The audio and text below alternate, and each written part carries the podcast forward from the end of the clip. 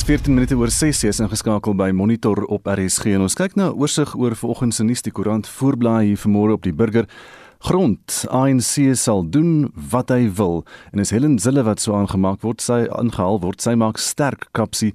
Dis onder duims sê die DA, sy sê die ANC sal doen wat hy wil ten spyte van wat Cyril Ramaphosa sê.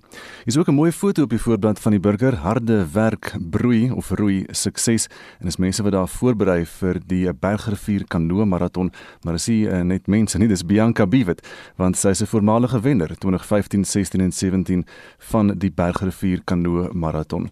Die voorblad van beeld in die noorde van die land, Gauteng, COVID nog nie 'n krisis. Dis die adjunkminister wat so aangehaal word, maar kan een word as dit so aangaan. Die adjunkminister van gesondheid natuurlik, Dr. Joe Pasla het op 'n televisiekanaal gepraat en gesê die hospitale is nog nie vol nie, maar die kenners sê eh, die hospitale is wel vol. 8640 nuwe infeksies is gister in Gauteng aangemeld, 300 meer as die vorige dag. Ook 'n mooi foto hier op beeld van die branderplankryer maak Trollop met sy branderplank by die see. Hy sterf kort nadat hy die golwe aandurf by Richards Bay se Alkant strand. Hy's 39 jaar oud gewees en 'n glo dis 'n hartaanval wat dan moontlik kon lei tot sy ontydige dood. 'n Foto van hom en sy vrou hier, Marlies Trollop. En dan is hier 'n interessante berig op die voorblad van Beeld vandag. Basta met Pasta Kerk. Dis geen geloof en is die Australiese tak van die kerk van die vleiende spaghetti monster wat nou nie meer formele erkenning gaan ontvang nie want die land se kommissie vir korporatiewe sake het die kerk se aansoek om amptelike status as 'n vereniging verwerp. En daar selfs 'n foto van hierdie spaghetti monster, die vleiende spaghetti monster. Die voorblad van Volksblad vandag, die digitale voorblad Vrystaat en Noord-Kaap, alles reg vir onnies se enting. Minister kondig aan skole bly oop en is die storie oor die onderwysers wat nou hierdie week in geënt moet word. Die Vrystaat se en die Noord-Kaap se onderwysdepartemente is gereed vir die onderwysers uh, se inenting wat landwyd dan gaan begin Woensdag. Hier is ook 'n foto van Daggy Heymans se gedenkdiens. Daggy was 'n stut op wie almal kon staatmaak. Hy kon 'n skrim anker, maar hy was vir baie van ons ook 'n stut en 'n anker in ons lewens. Is Naka Drotsky aangehaal en ons 'n foto van Ostirand ook by hierdie diens waar hulle praat. Daggy was almal se vaskop. Die voorblad van Business Day vandag ook die storie oor die grond in die ANC, die ANC wat sy um, standpunt verskuif, sê hulle om die EFF te paai. Dan internasionale nuus bbc.com daar's 'n streeksverkiesing aan die gang in Frankryk, maar albei die groot partye, beide uh, Macron en Le Pen se partye het bietjie gesukkel daar. In Suid-Afrika hal weer die nuus op die BBC vanoggend. En dit gaan oor die um, die diamantstormloop wat nie diamante was nie, maar kwartsiet en dis die storie vanoggend op bbc.com en dis net so vinnige oorsig oor vanoggend se nuus. Intussen sit net gereed met die oggend se SMS vraag. Goeiemôre Anita en ook môre aan die luisteraars. So ons het nou nou in die hooftrekke gehoor dat daar verskeie burgerlike organisasies is wat nou saam op veldtog geloods het om die polisie diens meer aanspreeklik te maak. 'n Feiteblad het saamgestel of wat menseregte of mense se regte teenoor die polisie duidelik uiteensit. Dit bevat ook besonderhede van maniere hoe jy die polisie aanspreeklik kan hou. Net hierna het ons meer oor die storie en intussen wil ons by jou hoor wat jou ervaring van die polisie diens is. Het jy klagtes en het jy al ervaar dat klagtes wat jy teen die polisie gelê het ernstig opgeneem is of nie? Glo jy dat die publiek met volgehoue druk en aksies soos hierdie nuwe veldtog weer die polisie se vertroue kan wen? En die mense praat al reeds daaroor. John Rana laat weet hy George, daar by Conwell polisie is die diens wat hom aanbetref pateties. Elizabeth de Toey sê nee, ek was ook al geïntimideer twee keer vir twee verskillende gevalle. Nooit weer sal sy die polisie vertrou nie. Die vertroue soos jare se betroubaarheid tevore is iets wat was sê sy. En dan 'n laaste een van Laurie Grywenstein, die manne in blou het die moeilikste werk sonder die ondersteuning wat hulle nodig het. Dis basies hul werk om die regstaat van SA in stand te hou, maar met bitter min of geen leiding van die oppergesag nie. Na raming word minder as 10% van ernstige misdaad opgelos. Kan ons eerlikwaar sê dat ons in 'n regstaat woon as misdaad die boetoon voer? Voer en dit is wat Laurie Grywenstein vra. Hy glo nie so nie. Jy kan jou mening vir ons stuur na 45889 en elke SMS wat jy stuur sal jou R1.50 kos. Of jy praat saam met die Monitor en Spectrum op RSG Facebookblad. Anders kan jy vir ons 'n stemnota stuur na hierdie WhatsApp nommer. Dis 076 536 6961. Steeds by die tema verskeie burgerlike organisasies het 'n veldtog geloods om die polisie diens meer aanspreeklik te hou. Die groepe glo dat vertroue in die diens sal toeneem indien ongeruimthede doeltreffend hanteer word. As deel van die veldtog is 'n feiteblad ook saamgestel wat lede van die publiek inlig oor hulle regte en wat ook meer besonderhede bevat oor waar mense kan aanklop om hulle polisiestasies aanspreeklik te hou. Marenay Forsie die besonderhede. Die veldtog word bedryf deur die African Policing Civilian Oversight Forum, Corruption Watch, die C19 People's Coalition, die Sentrum vir Regshulpbronne, die Instituut vir Sekuriteitsstudies, die Instituut vir Sosio-ekonomiese Regte en die ondersoekende journalistiek platform Viewfinder. Die platform se redakteur Daniel Knutse sê polisie brutaliteit en 'n gebrek aan aanspreeklikheid is onder die vergrootglas. Selfs al is daar baie polisiemanne en polisievrouens wat goeie werk, is daar ook baie wat die naam van die organisasie beswadder. So ek dink baie mense is redelik bang vir die polisie en ek dink baie mense is onseker in hulle regte wanneer hulle teenoor die polisie in soort van aanraking kom veral as hulle voel hulle gaan gearresteer word of so iets en ek dink dis ook een van die redes hoekom ons hierdie fact sheet saamgebring het om vir mense in te lig oor hulle regte en waar hulle staan as hulle in konflik met die polisie kom. Die verslag stip uit wat betogers se regte is, wanneer geweld nie gebruik mag word nie en waarheen jy kan gaan om verdagte aktiwiteite aan te meld. Intussen glo die betrokke organisasies dat behoorlike leierskap 'n kardinale rol speel. Soos mens maar met enige regeringsdepartement kry, is dit belangrik om daai kommunikasie van die publiek oop te hou na die kommissarisse op alle vlakke van die polisie en om vir hulle direk persoonlik en professioneel aan te spreek en vir hulle te vra om hierdie ernstig op te neem en dan die aksies in plek te sit en te bewys dat hulle dit ernstig opneem met 'n politieke kommitment. Uit sy ervaring is die stelsel egter van so 'n aard dat dit ten gunste strek van polisielede wat beskuldig word van magmisbruik of ander onwettige praktyke. Dis baie baie min dat 'n polisieman ordentlik aanspreeklik gehou word gedurende dissiplinêre prosesse en dis iets wat sistemies is binne die polisie diens is hierdie onaanspreeklikheid. So vir my is dit regtig belangrik dat die polisie diens self die loopholes wat polisie beamptes dikwels gebruik om hulle kollegas te beskerm, toemaak en dit ernstig opneem en dissipline binne die polisie diens bevestig en enforce op 'n manier Die howe en die onafhanklike polisieondersoekdirektoraat oftewel OPOD kan oor dieselfde kam geskeer word. Die hele stelsel is ek dit nou nagevors het en ondersoek het, wys vir ons dat polisie lidmate dikwels net wegkom hiermee en ek dink is iets wat regtig ernstig aangespreek moet word binne die regering, nie net binne die polisie gemeenskap nie, maar binne die publieke diens in Suid-Afrika en die regering as 'n geheel al. Knutse glo, Suid-Afrikaners kan die polisie diens tot verantwoording roep en 'n groot verskil maak, net soos wat die Black Lives Matter veldtog in Amerika beleid help verander het weens volgehoue grootskaalse openbare deelname en druk. Die eerste plek waar mense kan gaan is Oopot. Hulle is die organisasie wat binne die polisie en die regering geplaas is om die polisie te ondersoek. Maar ons weet van daai proses dat dit dikwels nie gebeur dat polisie aanspreeklik gehou word selfs al word hulle gerapporteer nie, maar dit is nog steeds baie belangrik om te rapporteer sodat ons die statistieke en die data rondom hierdie goed kan studeer en ook gebruik om die polisie aanspreeklik te hou op 'n sistemiese vlak. Viewfinder het intussen 'n WhatsApp-lyn oopgemaak wat jy kan nader indien jy voel 'n polisielid of stasie moet aanspreeklik gehou word vir onwettige optrede. Die nommer is 066 533 5142 066 533 5142 Ons het hierdie ding nou al baie bestudeer en ek dink ons kan vir mense regte praktiese advies gee hoe om moontlik regsverteenwoordiger te kry om jou saak vorentoe te vat of hoe om dit in meer formele kanale te rapporteer en hoe om dit dan op te volg en hoe om die druk te hou op jou spesifieke saak. Dit was die ondersoekende journalistiek platform Viewfinder se redakteur Daniel Knutse. Die platform spits hom veral toe op polisie misdrywe. Marlene Forsie is hy gonies. En net weer daardie nommer 0665335142 en dit gaan oor 'n raad wat jy kan kry oor hoe jy jou polisiebeamptes aanspreeklik kan hou 0665335142. Dis 24 minute oor 6 nou die DA het die minister van polisie Bekkie Cele uitgenooi om by die party se voorgenome vuurwapenberaad te praat.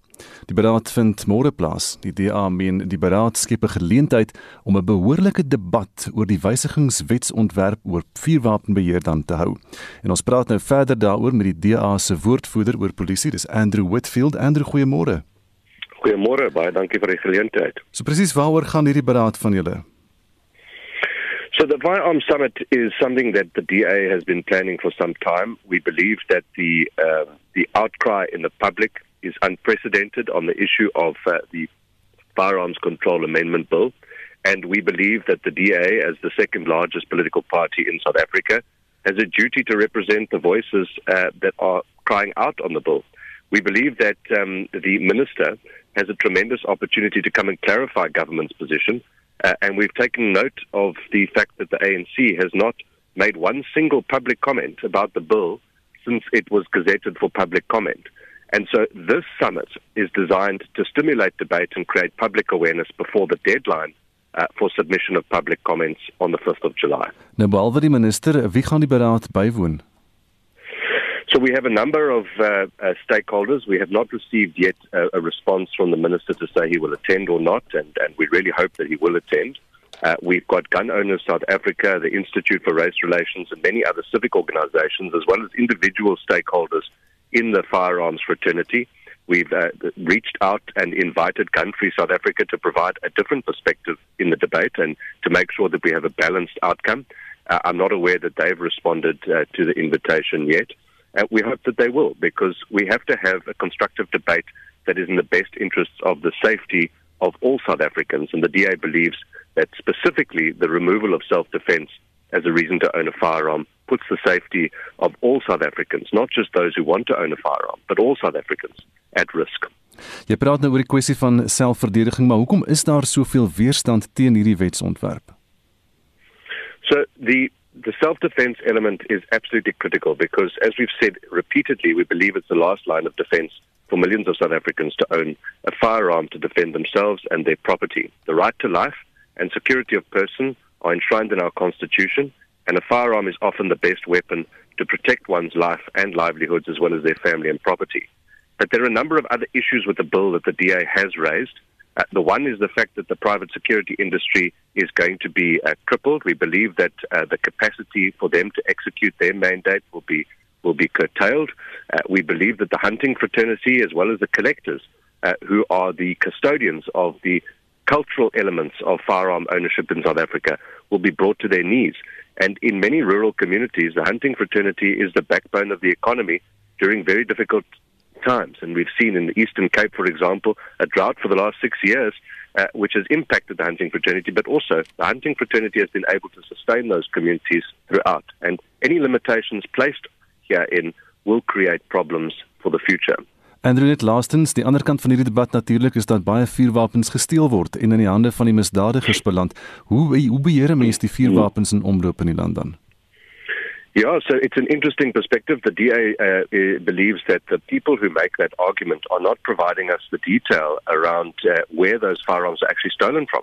Uh, uh, we believe that even civilian firearms are kept within the South African Police Service armories during an amnesty or for whatever other reason, they are kept there and stolen from there. I've had phone calls just this weekend from members of the public whose firearms have been stolen from the South African Police Service and they end up in gangsters' hands. We know that uh, Lieutenant Colonel Prinsloo from Vereniging many years ago sold nearly 2,500 firearms, both civilian and SAP's owned firearms, uh, into the hands of gangsters on the Cape Flats.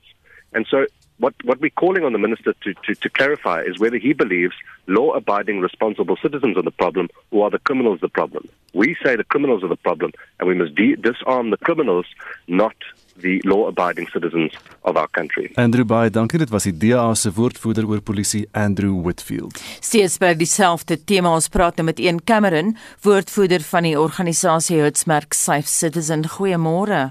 Goeiemôre. Ons het uh, laas nog met jou gepraat oor plaasmoorde. Hierdie is nou 'n nuwe baadjie. Verduidelik vir ons hoe jy by môre se beraad betrokke is. Ons is betrokke as sy citizen om dit om dit te ondersteun. Ons dink dit is baie belangrik dat hierdie debat groter gemaak word en dat meer mense in die publiek deelneem aan hierdie eintlik 'n groot tragedie dat die staat enigsins hierdie voorstel maak. Mhm. Mm Hoekom voel mense so sterk oor die vuurwapenwet dink jy? Ek dink daar's twee goed. Ek dink in die eerste plek voel mense in Suid-Afrika onveilig as ons gaan kyk na geweldsmisdaad uh, in die afgelope dekade, spesifiek iets soos moord, neem dit toe met omtrent 1000 moorde per jaar. En uh, en ons sien 'n bietjie van 'n dubbelstandaard. Andrew het uh, korrek nou genoem oor Chris Prinsloo. Nou Chris Prinsloo het openlik erken dat hy gehelp het met die verskaffing van meer as 9000 vuurwapens vanuit polisiebeheer uh aan die Kaapse bendes uh in die afgelope kom ons sê 10 jaar is daar meer as 60000 reserviste wat ons verloor het in Suid-Afrika omdat die staat hulle nie oplei nie meer as 10 miljoen ronde se ammunisie is verloor nie lys gaan aan Ek dink mense voel onveilig, hulle voel of hulle alleen is, hulle voel nie of die staat na hulle gaan kyk nie en vir daai rede wil hulle nou baie graag seker maak dat hulle minstens hulle laaste lyn van verdediging in stand kan hou en dat hulle hulle self kan beskerm. Ja, jy het nou baie met die plaasboere te doen. Hoe raak dit hulle dink jy?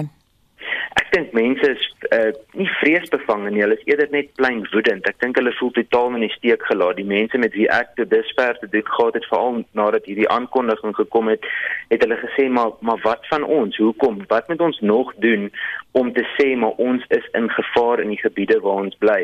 Ehm um, net een boer met wie ek gepraat het, dis 'n 'n vrou net buitekant Gauteng, sê sy vir my maar maar een selfs toe my man vermoor is jare gelede, toe het die polisie nie eers die vermoë gehad om daai bewysstukke in 'n plastieksak te sit nie. Dis hmm. weke later agter 'n polisiebakkie se sitplek gekry. So hier's 'n dubbelstandaard en mense moet hulle self kan verdedig en vuurwapens is een van die beste maniere om dit te doen. Mense wil nou nie sinies wees nie, maar jy wil nie hê die beraad met 'n talkshop word nie. Wat wat hoop julle om daarmee te bereik? Ek dink in totaal met die met die hele voorstel geskraap word. Ek dink dis dis absurd dat so 'n voorstel enigins gelig word veral na 2018 waar die nasionale kommissaris van polisie openlik erken dat die polisie nie die vermoë het om hulle grondwetlike pligte na te kom om om mense in die land te beveilig nie. So ek dink dit moet geskraap word. Hoopelik uh, is die beraad 'n platform waar al hierdie verskillende insette 'n groot drukgroep kan vorm om seker te maak dat dit gedoen word. Net uh, laasens op 'n praktiese vlak vir luisteraars, daar is nog kans om kommentaar te lewer op die wetsontwerp of hoe? Daar is absoluut uh, soos Andrew korrek gesê het tot in die begin van Julie. En ons wil mense aanmoedig om op DRSA of Deur South Africa se platform veral te gaan van Safe Citizens se kant af en seker te maak hulle dien daar hulle hulle submissies in. Hulle kan daar sê of hulle saamstem of nie en hoekom of dan nou nie. En dit is 'n amptelike uh, openbare deelname uh, proses wat daai webtuiste van van DRSA uh, gebruik en vir daai rede is dit 'n baie makliker manier om seker te maak dat jou kapsie of dan nou ondersteuning by die regte plek uitkom. Baie dankie en Susie een Cameron, hy's woordvoerder van die organisasie Hutsmerk Safe Citizen. Heinrich Anita se ons uh, het vertel vroeër van uh, burger burgerlike organisasies wat 'n sameveld toe geloods het om die polisie diens meer aanspreeklik te maak en dan wil ons weet van luisteraars wat hulle ervaring is of hulle klagtes gehad het wat ingedien is maar nie opgevolg is deur die polisie of ondersoek is nie. Hier is al 'n hele paar terugvoer boodskappe. Jopie van Vryheid sê vroeër jare was die polisie mag gekenmerk deur dissipline proaktiewe dienstiptelikheid en eenvormigheid. Die rede daarvoor was goeie leierskap en intensiewe opleiding wat myns insiens kort met sommige van die lede vandag. Daar is polisieoffisiere en lede wat goed presteer, maar daarenteen is daar talle wat basies net werk vir 'n salaris. Slordige uniforms en swak dissipline is ooglopend waarneembaar. Louis van die Kerk stem saam hiermee en hy meen Die polisie word gebruik om BEE soos wat hy dit hier stel, beleid in die staatsdienste implementeer. Waar het jy gesien dat jy in die ou dae 'n aanstelling sou kry indien jy nie 'n bestuurderslisensie gehad het nie? Vra Louis. Ons sit met die probleem van swak aanstellings, bevorderings as ook swak bestuur van die minister tot onder. Renwald de Jong sê die polisie in Leidenburg het ek geen probleme nog ooit mee gehad nie Ons land is wetteloos as gevolg van mense wat wetteloos optree. Nie net hier in Suid-Afrika nie, maar reg oor die wêreld. En dan Elvis Morolong wat sê Die huidige polisie moet binne tyd en konteks gekritiseer word. Die volk het geweldig aangewas en die polisielede tal daarteenoor het gekrimp. Ten minste 70% doen al bes, maar voer 'n opdraande stryd teen huidige omstandighede. Ek bewonder hul uithou vermoë. Delia Achenbach sê die beamptes wat die werk doen, arrestasies maak, is nie die probleem nie. Dis die wat sogenaamd wegkom met moord wat hulle en ons as publiek onderkry. Hoeveel keer moet een persoon nou byvoorbeeld vir dwalms toegesluit word net om môre weer op straat te wees?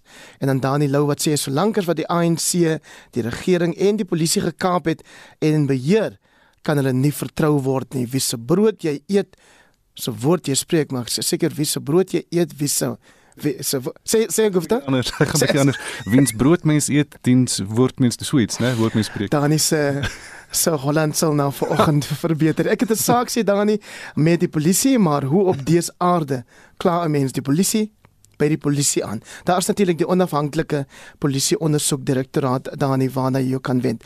SMS vir ons jou terugvoer na 45889.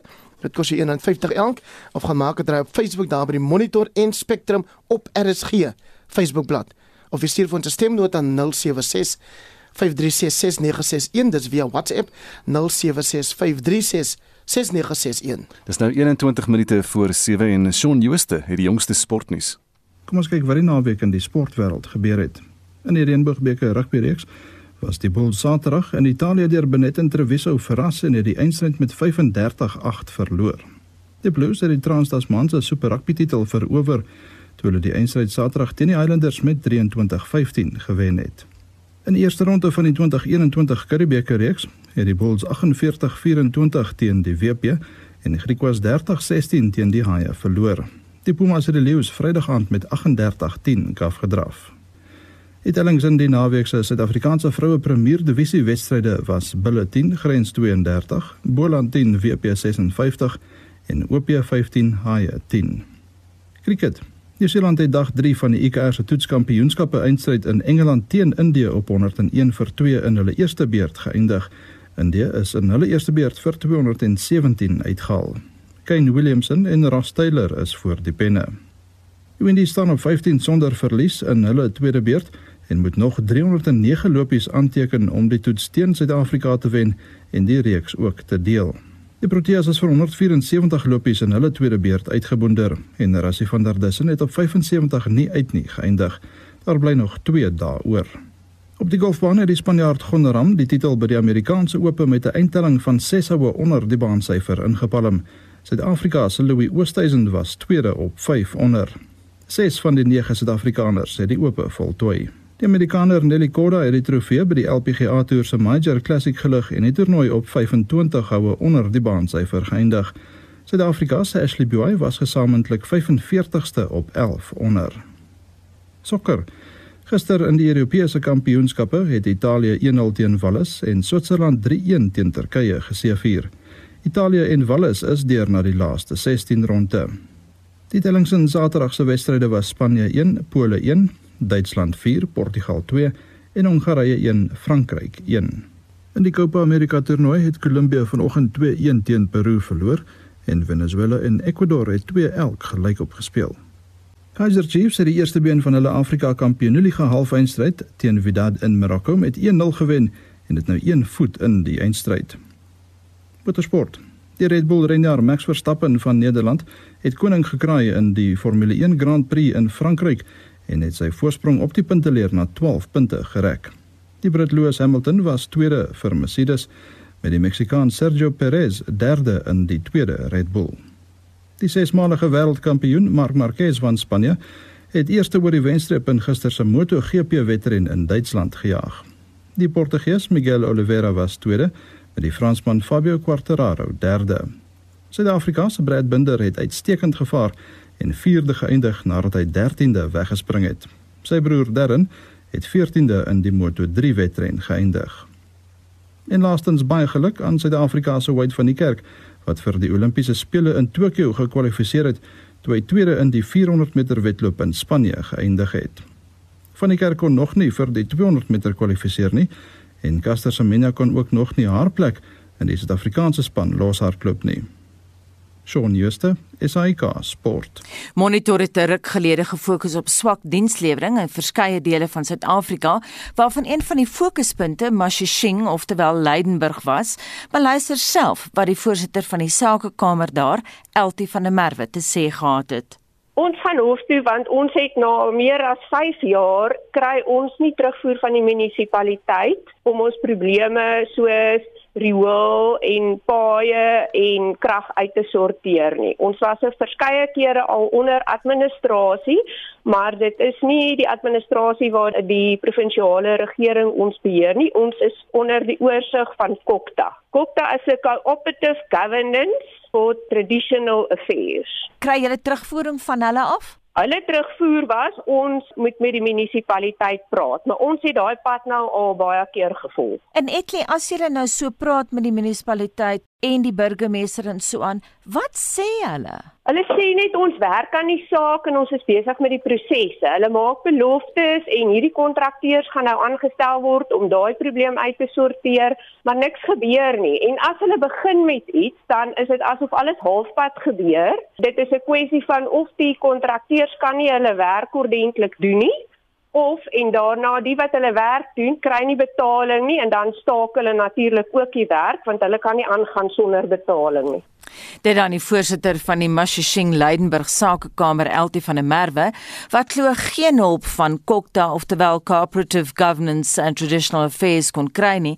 Nou van der Merwe is nie die enigste een wat geïrriteerd is met Kokta se diens nie. Ons praat ver oggend met die DA woordvoerder in Mpumalanga vir Kokta verwante sake, Trudy Groewe Morgan. Goeiemôre. Môre, môre aan die luisteraars ook. Trudy het nou geluister wat Eltie te sê gehad het en julle het nou Kokta gevra om uh, twee munisipaliteite in Mpumalanga, Mbombela oftewel Nelspruit en Tabocheu waaronder Mashishing val te help om weer te funksioneer. Wat dink jy is die kanse dat dit sal gebeur?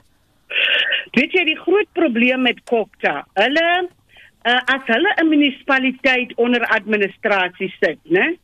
Uh, ons noem dit die uh, uh, 139 section 139 hulle monitor nie die munisipaliteit of daai uh, administrasie werk nie.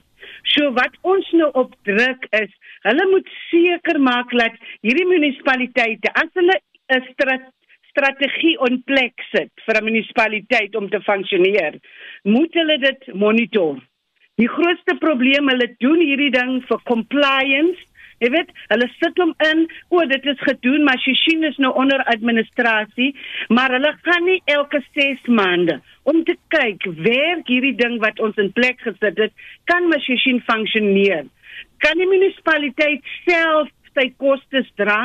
Want die groot probleem in hierdie munisipaliteite Bombela en Mashishin hulle kan nie hulle mense betaal nie. Hulle kan nie die ouens wat die werk doen die kontrakteurs Hulle het nie eers genoeg geld om hulle te betaal nie, want die geld wat die fonds wat hulle inkry van nasionaal, betaal hulle salaris meer. Hmm. Omdat hulle geen uh, geld inkry wat hulle moet Jy weet as jy 'n besigheid het, moet jy geld inkry om die besigheid te kan dryf. Maar dit gebeur nie in die munisipaliteite nie.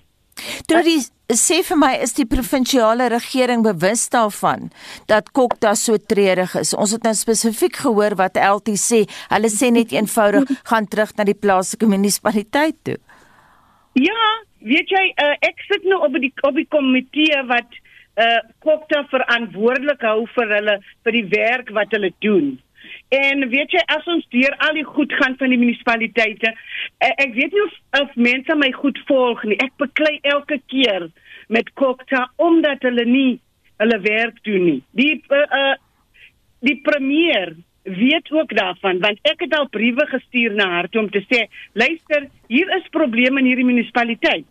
Ek meen, hierdie munisipaliteite is nou hoeveel jaar? As jy kyk uh uh wat gebeur in hierdie munisipaliteite, hulle word nie beter nie. Dit raak net al hoe erger. Veral die klein dorpies, hulle val uitmekaar uit. Mm. So dit wys jou dat die 'n uh, 'n uh, uh, uh, provinsiale regering net uh, hulle gee nie om nie. Maar maar wat nou van die inwoners van Mashishing, van Belfast, van Bombela? Wie is verantwoordelik om hulle dan te help as Kokta eenvoudig net niks doen om hulle te help nie soos wat ons hoor die geval is? Wie kan nou ingryp om iets te doen? Weet jy, ons het nou ek het uh, Belfast het 'n probleem gehad op ehm um, uh Machado dorp, nie Belfast, ekskuus. Hulle het 'n probleem gehad met riool wat hulle jare terug uh, weer die hele tyd daaroor toe gaan ons tot na die Human Rights Commission toe. Weet jy, uh, uh, ek dink is 'n menseregte om water te hê om die dienste waarvoor jy betaal te moet kry. Want oh. uh, uh, dit is so hartseer as jy daarna kyk. Jy betaal elke maand, maar jy het geen paai om op te ry nie. Jy het geen riool loop die strate af. Jy weet? So, uh, um, die een ek is bly dat Mashishin is 'n uh, sakekamer besluit het. Hulle gaan 'n uh, 'n saak oopmaak teen mm. die regie. Hulle moet teen die provincial government 'n saak oopmaak. Want die provincial government moet kyk dat Kokta hulle werk doen. Want daar is nie, jy sien wat gebeur in ons provinsie, daar's geen monitor nie. Niemand monitor niemand nie. Mm. En alles gaan net aan, daar kom uh, budgets uit, projekte word gedoen, dit word halfpad gedoen en dan gebeur daar niks daarmee nie. Maar sê vir my, wat sê Kokta vir jou as jy nou sê hoekom doen julle niks? Hoe verdedig hulle hulle self?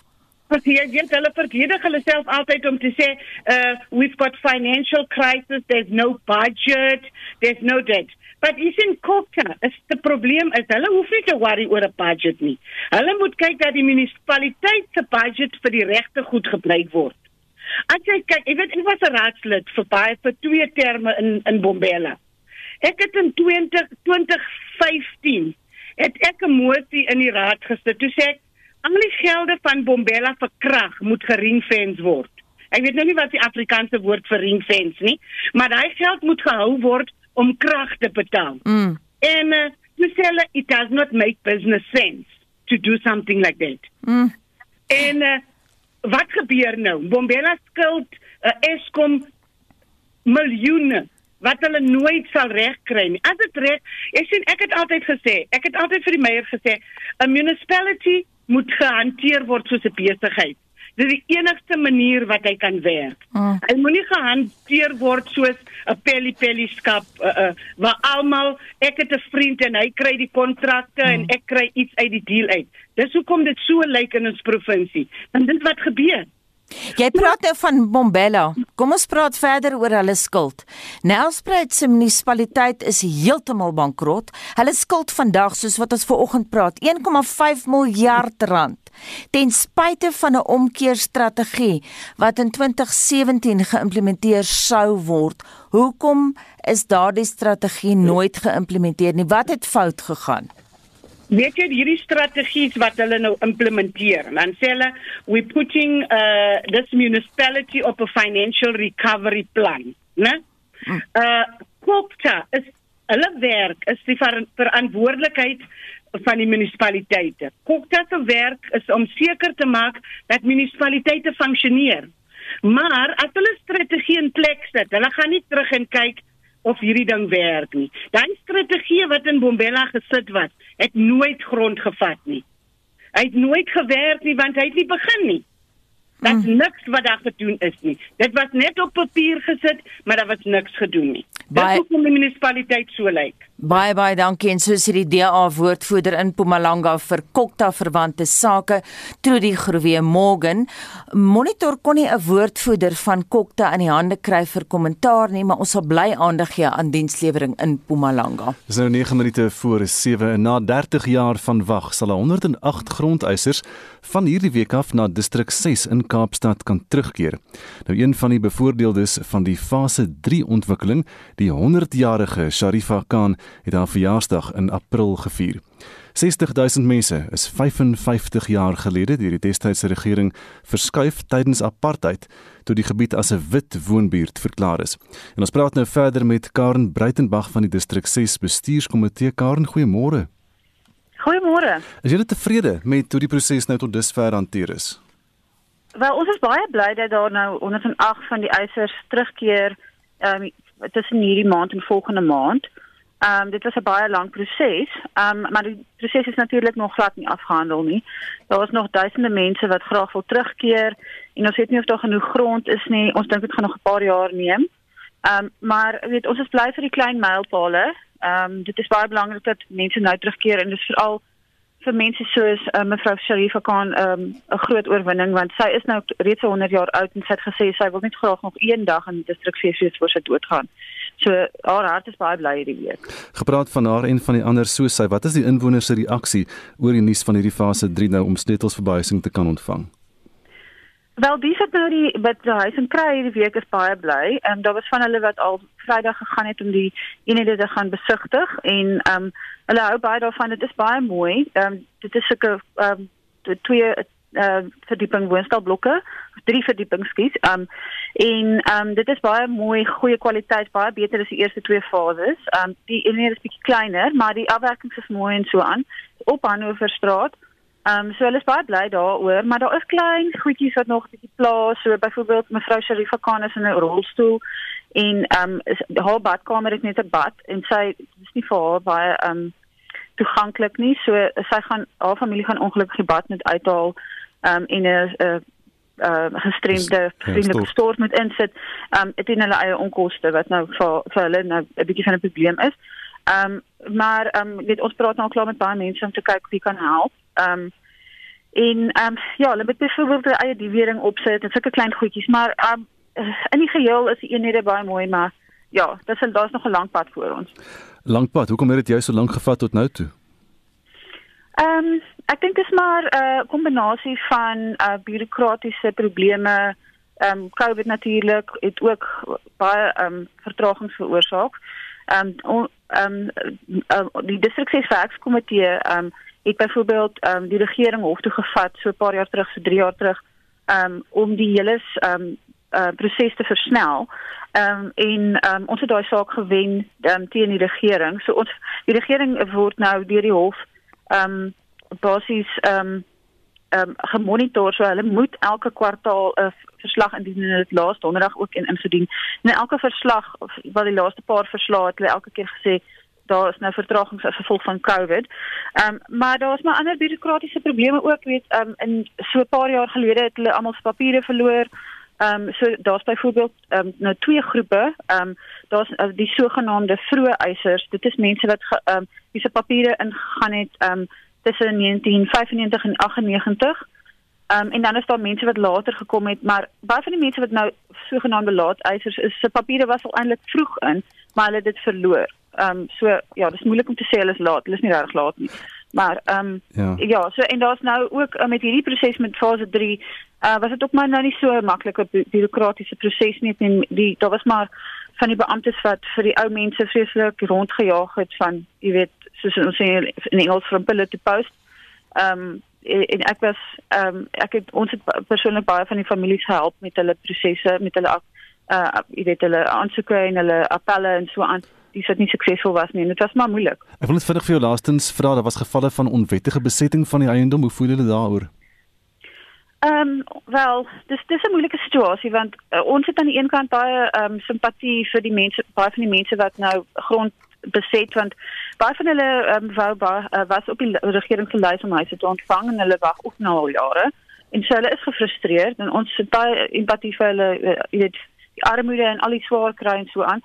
Maar aan die ander kant um, hulle kan nie nou kom en grond onwettig beset en dan ontneem hulle mense van regte wat wel deur die hofstelsel gegaan het wat wel die hele um, jy weet um, pad gestap het um, die die wettige pad gestap het nie. Um, en ons het 3500 um, van ons lede wat ehm um, weet mense is wat weet die wat die regte um, volg die regte prosesse gevolg het en ehm um, ons kan hulle nie nou ontneem van hulle regte net omdat ander mense vir die grond beset nie. Karen Bey, dankie. Dit was Karen Breitenberg en sy is van die distrik 6 bestuurskomitee. Heinrich Terugvoer oor mense se ervarings met die polisie Anita. Die polisie hier in George toon die volgende gedrag: ry oor sy paadjies omdat hulle arrogant is. Dis nou spesifiek die Conville SAPD. Ignoreer vier rigting stopstrate, gooi skille uit amptelike voertuie se vensters en staan voor 'n winkel met blou ligte aan om pannekoek te koop. Red 'n nasie, so skryf Erna. Op Beaufort Wes kry jy nie die polisie in die hande wanneer jy hulle nodig het nie. Hulle speel taxi en ry mense na hulle werke toe, soos byvoorbeeld Kentucky, skryf Rini. En dan 'n judge uit Bloemfontein sê Bayswater polisie stuur hulle nie aan jou nie. Sou jy klaar sê hulle net dit is nie hulle jurisdiksie nie. Julle is besig om die dooie perd te slaan. Onthou van Jackie Celebi aangestel is as nasionale polisiekommissaris, is daar nog geen nasionale kommissaris wat nie met 'n wolk oor hom of haar kop gehad het nie of dan uit die pos gestel is nie. Skryf iemand anders en dan sê iemand hier ek dink niks van die polisie nie. Toe ek 'n klagte aangemeld het by die Hawks of die Valke, was die beampte wat hul bestuur of gestuur het om my beëerde verklaring af te neem uiters ongeskik en het allerlei verskonings aangevoer om te probeer om nie my klagte te neem nie. Ek het ook 'n verskynsel van vermoedelike vee diefstal aangemeld by 'n plaaslike vee diefstal polisie beampte. 'n Paar dae later moes ek sien hoe hy en die verdagte saam braai. As die polisie jou benadeel skryf Samuel Walters van Gouda sit 'n siviele eis in teen die polisie. En dan iemand anders wat sê ek is ook al deur 'n polisieman geïntimideer. Dit was so erg dat ek vir 'n prokureur gevra het om 'n brief aan die stasiebevelvoerder te rig en dis Anet wat so skryf. Dan iemand anders wat sê die SAPD in die Noord-Kaap is onbevoeg met 'n uitroepteken agterna. Geen mens met verstand, skryf Christa van Brits, kan die polisie van Suid-Afrika vertrou nie. En dan 'n laaste een Ons polisiediens verteenwoordig die standaard van leierskap deur die ANC regering en dit is definitief nie tot die belastingbetalers se voordeel nie. 45889 Dis waarin jy vir ons jou kommentaar SMS teen 150 elk. En dit bring ons by die 7 uur nuus.